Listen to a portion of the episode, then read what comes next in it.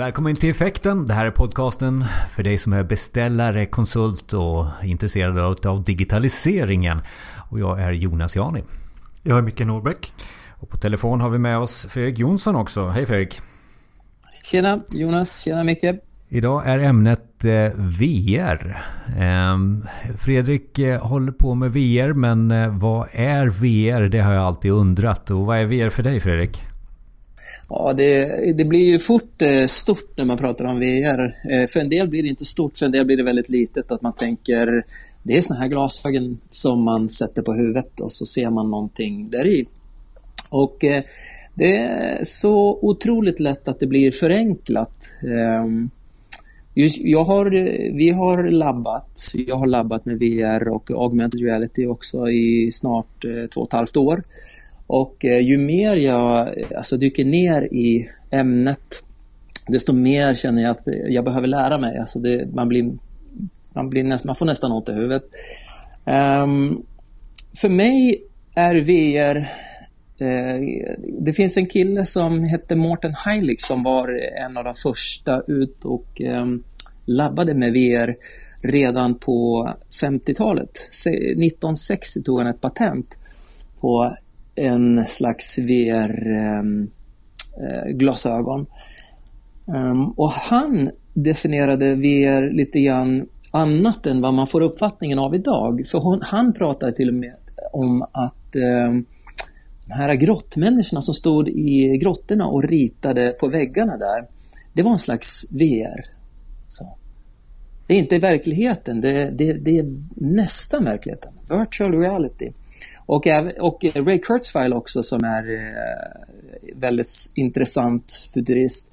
Han menar på att eh, VR är ett telefonsamtal kan vara VR. Om du stänger ögonen, du hör rösten genom öronen, din, ditt hörselsinne, gör att det känns nästan som verkligheten. Men du är ju nästan här då när vi pratas vid här om jag blundar. Och det är på så sätt som jag ser virtual reality som häftigt. Det är, det, det är den aspekten jag menar också som är VR för mig. Det är att eh, det är ett sätt att förflytta oss, det är ett sätt att få kanske nya perspektiv på saker eller att låta oss komma närmare oss. Vi är separerade med en massa mil eller eh, på andra sätt separerade. Men på ett sätt kan vi komma närmare varandra. Och, Så, ja. ja. och det är ju lite filmens värld. Och det är väl också din bakgrund eh, om att ha jobbat med film och varit i San Francisco och byggt de här varumärkena som har varit, det börjar oftast med underhållning på något sätt. Och det är väl kanske din, ja. din, din tidigare bakgrund där? Eh. Ja, precis. Alltså jag, eh, jag har ju jobbat inte så mycket med film, men jag har gjort eh, något litet eh, inhopp i filmindustrin. Jag har jobbat med spelutveckling sedan eh, ja, mellan 95 och eh, 2015, så jag jobbar med spel ganska länge. Och där var alltså redan på 90-talet, i början, mitten på 90-talet när jag jobbade med spel så uh, fanns det något slags språk som hette VRML. Som någon slags uh, och jag är inte någon programmerare så jag kanske har fel här, men jag tror att det stod för virtual reality, eh, bla bla language någonting. Markup language. Ja, man kan gissa sig något, något sånt. Och, ehm, och, och, då handlar det väldigt enkelt om polygoner och man upplevde sakerna på skärmen. Alltså din, tvådimensionella, eh, alltså det är 3D men du konsumerar det i 2D på en vanlig skärm. Eh, det är inte stereoskopiskt. Och, och, det kallades för VR. Så för mig har det varit liksom det här med att vi, jag har ju skapat spel eh, och byggt de här, som man säger, ibland virtuella världarna, eh, virtuella karaktärer. Allting är liksom en slags eh, fantasi av verkligheten eller en, en fantasi av en fantasi, jag vet inte. Men det är inte på riktigt. Men det kanske skulle kunna vara på riktigt om man var ja, och, Riktigt flummig. Ja, ja och, och, och, varför du är med idag handlar ju väldigt mycket om egentligen att vi har hamnat i en, en period där det här eh, de tre S börjar försvinna. Eh, det är alltid så inom eh, nätet att det är strunt, sport och sex som börjar att vara stort. spel också. Ja, ja, spel, sport. Så. Och, och det, är väl, det är väl liksom där som, som Eh, eh, det försvinner ifrån. Du har jobbat med sport, men vi, var vi, varför vi har den här intervjun idag handlar ju väldigt mycket om eh, att det inte är underhållning längre, utan det börjar hamna någon annanstans. Ja, eh, jag menar, jag, alltså, skulle du ha frågat mig om spelifiering? Det är så roligt när jag får prata med Jan Bidner om det här ibland, för jag brukar, jag brukar retas med Jan och Mats Björk och sådär om, så jag, jag tycker att spelifiering är bullshit. Eh, Eh, och, och, det här som man, man pratar om, om, om, spel och eh, vad det är, det är så roligt och det blir som knark, folk fastnar och sådär. Eh, för mig, det som är intressant med det, vi har, det jag har skapat när vi har gjort spel har handlat om att göra upplevelser som är roliga. Eh, eh, men inte bara roliga. De bästa spelen jag har varit med och gjort har faktiskt varit där man får använda hjärnan. Alltså man stimulerar, man får kanske få lära sig någonting. Så för mig är det här med lärandet väldigt intressant. Eh, som man kan koppla också till VR.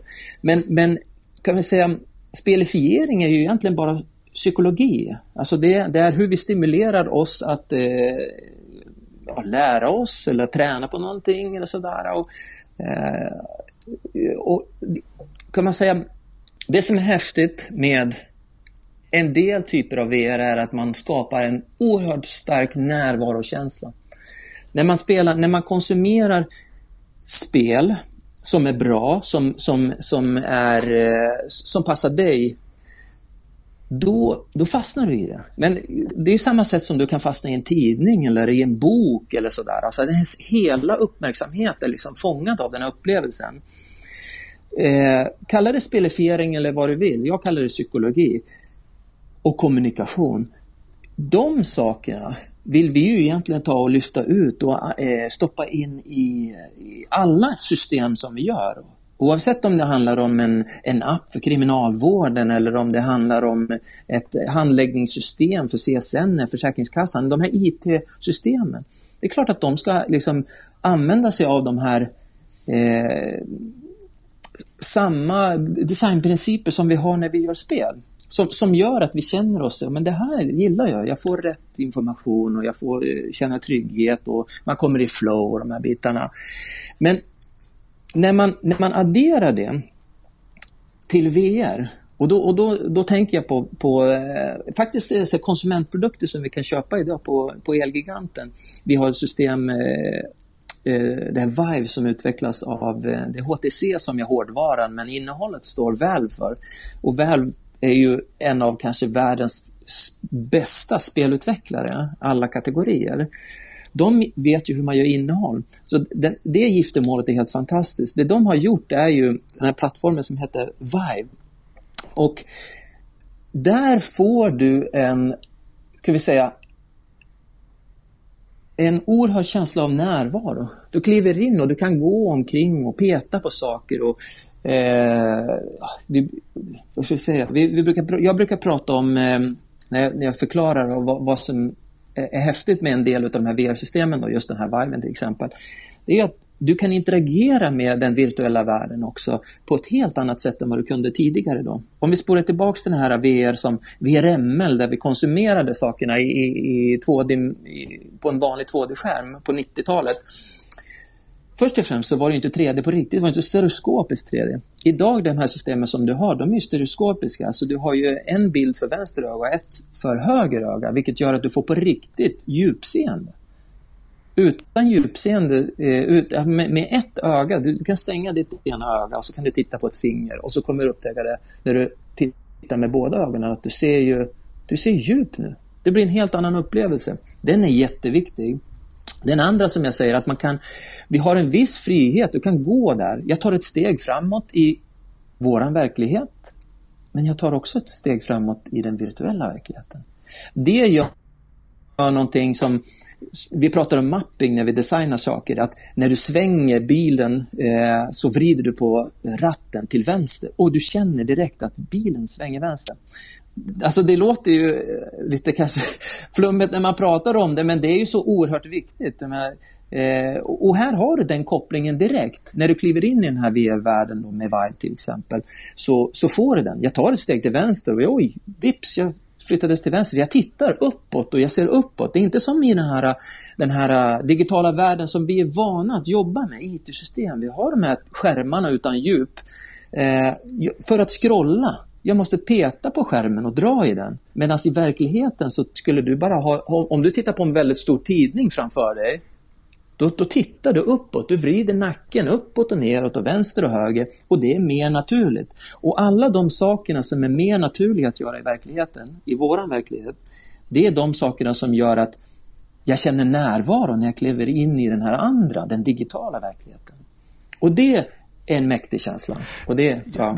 återigen, jag kopplar när du pratar här nu till en film. Eh, det här med Tom Cruise och Minority, man, vad heter den? Eh, Minority Reports. När han ja. har olika skärmar och plockar ner och sådär. Eh, är det det du förklarar att vi kanske ska ha framför oss? Jag tänker också på HoloLens när du pratar. Eh, ja, Microsoft HoloLens. HoloLens, ja precis. Ja. Eh, mm. Eh, de försöker hitta byggklossar och försöker hitta skärmar i den verkligheten. Som mm. kanske ägts utav spel tidigare. Där är jag min koppling där igen då. Men nu börjar ja. det bli mera kontorsdels... Eller kontorsmässig ja. om vi ska säga så. Uh, ska vi ha såna här kontorsapplikationer uh, så då måste man börja titta på hårdvarorna som finns idag. Uh, och det vi har, du nämnde HoloLens till exempel som Microsoft pushar. HoloLens är bra på några punkter, mindre bra på några andra punkter. Men det, de, eh, det Microsoft säljer det på är framförallt det jag tycker själv att det är bra för. Det är en slags sätt att vi kan kommunicera med varandra. Eh, det är en kommunikationskanal. Det är, det är eh, ett komplement till telefonen eller till Skype för laptopen Eh, vi kan, jag kan se det när jag pratar med dig, men jag kan också se den här andra världen. Och, och det bästa är ju att du har ju händerna fria.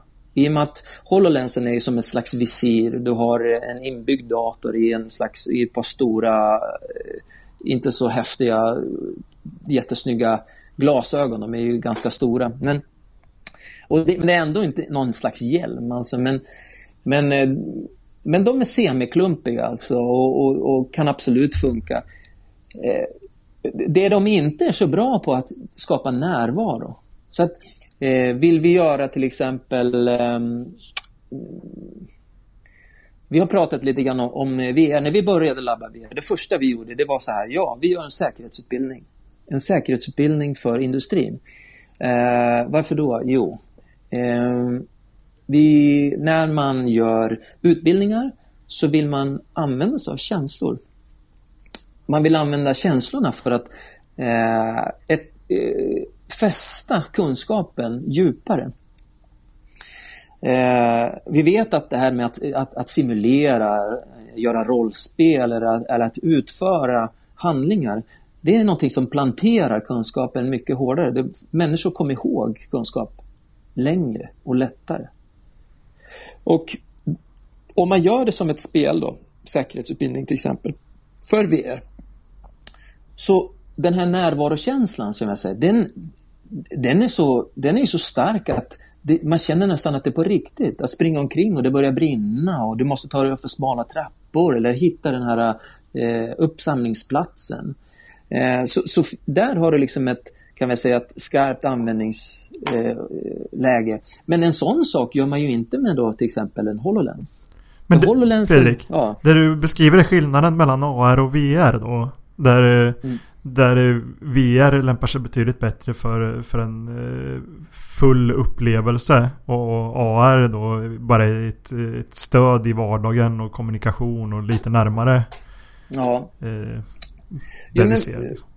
Absolut, på, på något sätt så är det väl så här, alltså, så kan man inte riktigt säga heller för att vi kan ju få en häftig upplevelse eh, alltså det fanns ju spel för gamla eh, skitmobiltelefoner. Liksom. Och jag menar Pokémon eh, har ju visat det här med augmented reality är absolut en intressant eh, upplevelse. Men där, där är ju upplevelsen mera meta på något sätt. Jag menar, det är ju att du går ut och finns i verkligheten och det finns de här eh, CG eller virtuella elementen i verkligheten. Det är ju, eh, hela upplevelsen kommer ju inte från telefonen utan det är blandningen mellan verkligheten och telefonen naturligtvis.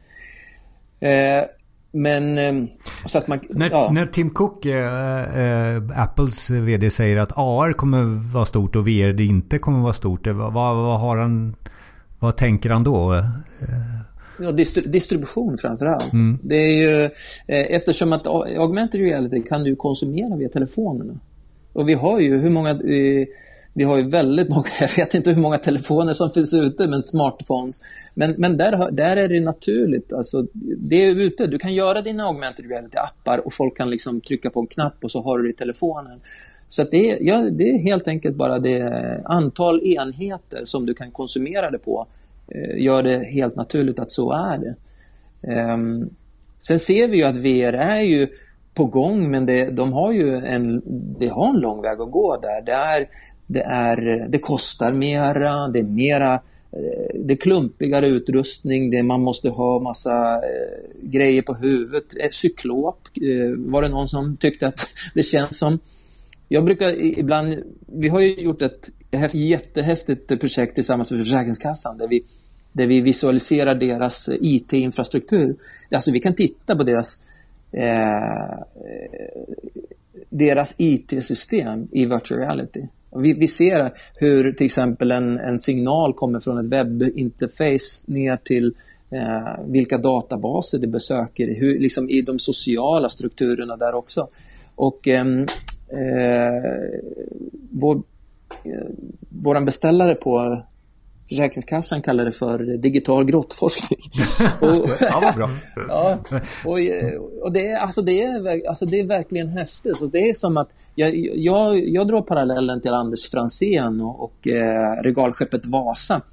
Där man hade väldigt så här, klumpiga utrustningar. Tänk den dykarhjälmen som han hade där när han for ner med slangar liksom med luft och allting. Men de hittade någonting magiskt.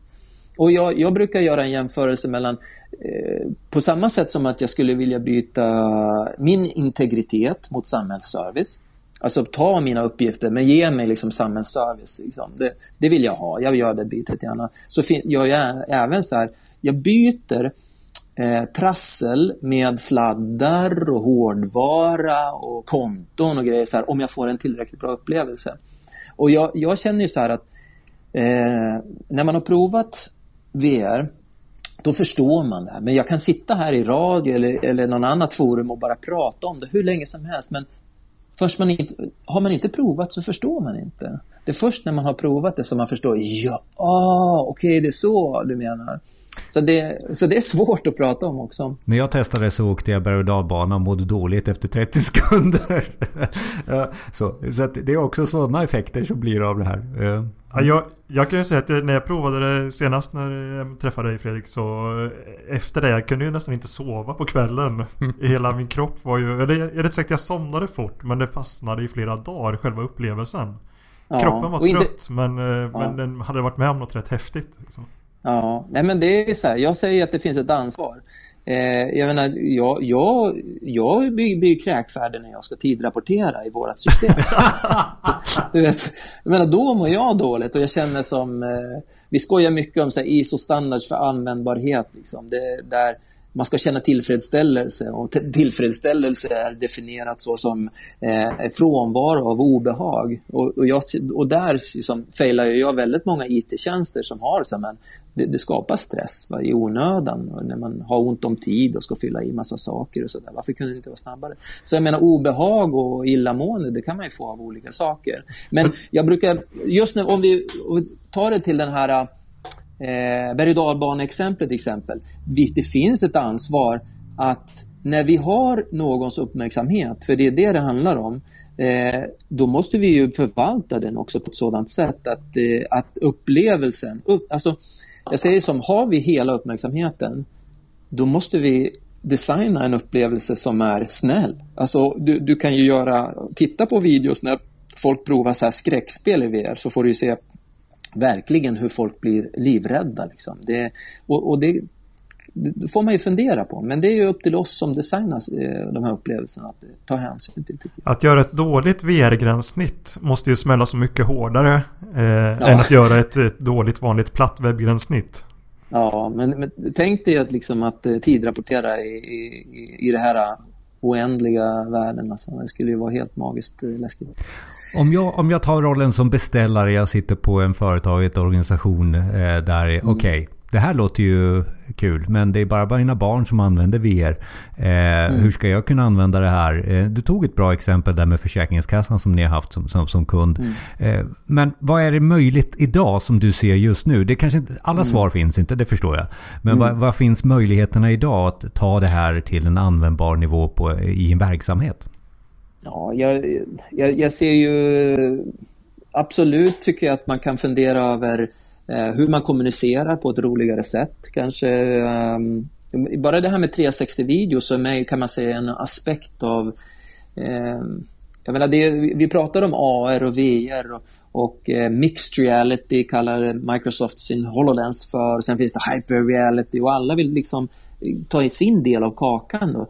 Ehm, eh, det, och det, det, är verkligen ett ekosystem av, av liksom lite olika verktyg och och möjligheter skulle jag säga. En, en grej som jag gillar faktiskt, det är 360-videos. För att det är så lätt att producera material. Man kan köpa en ganska billig Rico TETA-S-kamera och, och, och, filma 360 graders video. Eh, och det kan, du, det kan du publicera på Youtube eller i vilken kanal som helst nästan. Eh, men med ett par VR-glasögon så kan du liksom skapa eh, eh, ett mer intressant innehåll än bara den här traditionella eh, filmen. Alltså två, eh, så här, jag planerar vad du ska se. För att med, grejen med 360-video är att jag kan ju inte bestämma vad du ska titta på. Du kan ju titta åt ett helt annat håll. Och det, det liksom finns möjligheter där. Så att, jag menar, branding, reklam, liksom, jag skapar intressant eh, kommunikation. Det, det, är ju naturligt och du, du börjar se, det kommer liksom mer och mer sådana saker. Och så når man just, och så når man mobiltelefonen också. Man, man, då har du den här stora användarbasen som som jag säger är viktig för augmented reality. Ja, vad mer? Jag menar, det, jag, det, det, är så enkelt. Alltså, de verktygen som vi använder är ju, vi använder ju spelteknologi. Vi använder uh, spelmotorer som vi kallar uh, eh, Det finns två stora konkurrenter. En heter Unity som är, som är väldigt bra för, och enkelt för att göra till exempel uh, augmented reality. Det portar bra mot eh, HoloLensen och även att göra liksom, eh, appar. Då med, telefoner och sådär. Så att, eh, och Unreal som är en liten, jag tycker mer kompetent för att göra avancerad grafik. Den har vi använt mot Försäkringskassan när vi har gjort våra VR-lösningar. Och de här verktygen de är så otroligt billiga och det är någonting som jag tror en utvecklare som är van att utveckla C++ eller Java eller vad det nu kan heta Eh, det, det, är inte någon större svårighet för eh, utvecklare att sätta sig in i de teknikerna. När du, Fredrik, ja. när du säger att, att det är så billigt så pratar du både om att man lätt köper in en konsumentprodukt för, för 5 mm. eller 10 000 eh, och, och sen att du behöver en utvecklingsmiljö och, och någon lite schysstare dator för att kunna jobba med 3D-grafik och, och sådana saker. Mm. Blir, det ett, blir det ett paket så, nu höftar jag bara, det, för 50 ja. eller 100 000 så har du ett riktigt, riktigt bra startkit eller? Ja, men absolut. Jag menar, det är så här är det att vi... Det, Försäkringskassan till exempel, vi använder den här spelmotorn uh, Unreal. Då. Den, den är fortfarande gratis för den applikationen. För att det är, ingen, det, är ingen, eh, det är ingenting som de har... Eh, de har inte den affärsmodellen än. Utan deras affärsmodell är att ladda hem den, kör, gör ett spel. När du säljer spelet så tar vi 5% av gross income. Så att eh, de har gjort en... De vill få in fler användare och eh, arkitekterna idag använder Unreal också. Och där tror jag det är fortfarande också gratis att använda för dem. Så det kommer ju förändras naturligtvis men än så länge så är det ju är det bara hem och köra och gör dina applikationer. Eh, ska du börja sälja applikationer naturligtvis, då, då får du betala. Och Unity är lite grann samma sak. Eh, sen, det jag menar med billigt, jag menar, det är för att jag jämför med i, i, i början, 95, när vi, när vi skulle bara göra 3D och rendera bilder och sådär. En arbetsstation kostade ju 200 000. Mjukvaran kostade 250 000. Det var ju som en halv miljon bara för att liksom börja tillverka någonting. Och det var inte några spelmotorer då, utan det var det bara för att göra grafik. Det är en framtid som vi har framför oss, det är helt klart. Eh, men jag hör också att det börjar bli billigare, som du sa här nyss.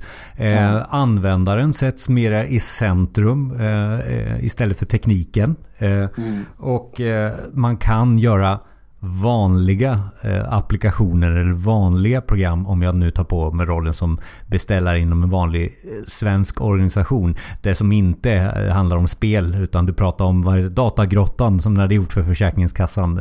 Ja.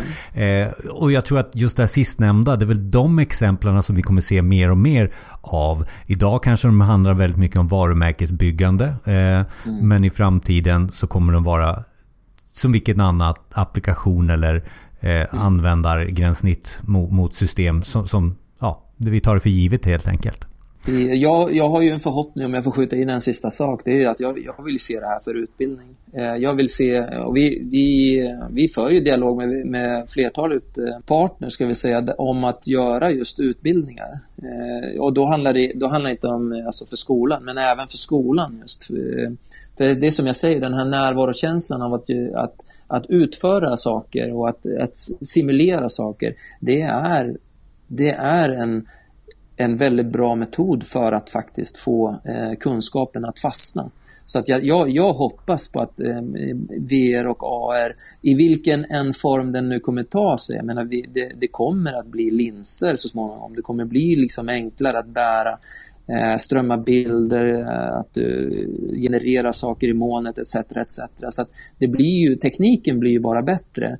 Det, det, vi känner att vi gör nu, det är att vi börjar labba, vi börjar lära oss hur ska vi skapa interaktionsdesign i den här världen. Men vilken generation ska man hoppa på då som, eh, som beställare? Det känns som att det är lite grann är 3G, 4G, 5G eller ska det vara VHS eller vad heter de här andra mm. konkurrenterna liksom? Ja, jag, menar, eh, jag tycker så här, i och med att det är så billigt, eh, har, man, har man någon slags... Eh, en, eh, en del större eh, företag har ju någon slags innovationslabb eller R&D eller sådär. Eh, gör man, eh, jobbar man med design eller tillverkning till exempel, jo, men, eh, skaffa det här, det är så billigt. Prova till exempel att stå och rita i, i 3D eh, runt omkring dig. Alltså, eh, tänk dig tanken att du sitter i en rullstol. Du sätter dig på en stor kontorsstol och så sen så ritar du hur din, eh, omkring dig. Jag menar, hur lång är din arm? Ja, det är ju där pennan tar slut, det här eh, verktyget som vi har. Så kan du rita. Så men att jobba med, med design och vi utgår från människan till exempel så är det jätteintressant. Och som sagt, det är, det är så sjukt billigt. Så man, man kan prova och lamma. Jag menar, sen Eh, Eh, som, jag brukar vända på frågan, så, vad ska vi göra? Så här, ja, men du kan googla så får du en lång lista på liksom, applikationer där, där man redan använder det här. Jag vet eh, Jonsered har utvecklat någon timmerbil där du kan sitta då med ett par glasögon och titta. Istället för att hoppa upp i din, din eh, kran eh, i en hytt, en annan hytt för att styra en kran så sitter du i din förarhytt på lastbilen där det är varmt och gosigt och styr din, din, din kran och lyfter timmer med. Det är ju liksom de här eh, enklaste applikationerna kan man tänka. Det, Men, ja, det ja. finns oerhört mycket att prata mer om VR. Vi, vi ska nog ta en separat, eh, bara exempelpodd på vad vi kan använda till det här. Eh, Fredrik Jonsson, vi tackar så mycket för den här podden idag. Eh, vi eh, får lägga upp lite länkar på sådana saker som du har eh, nämnt här under konversationen. Eh, det finns på effekten.se för dig som lyssnar. Eh, jag är Jonas Jani, tackar så mycket. Micke Norbeck och Fredrik Jonsson.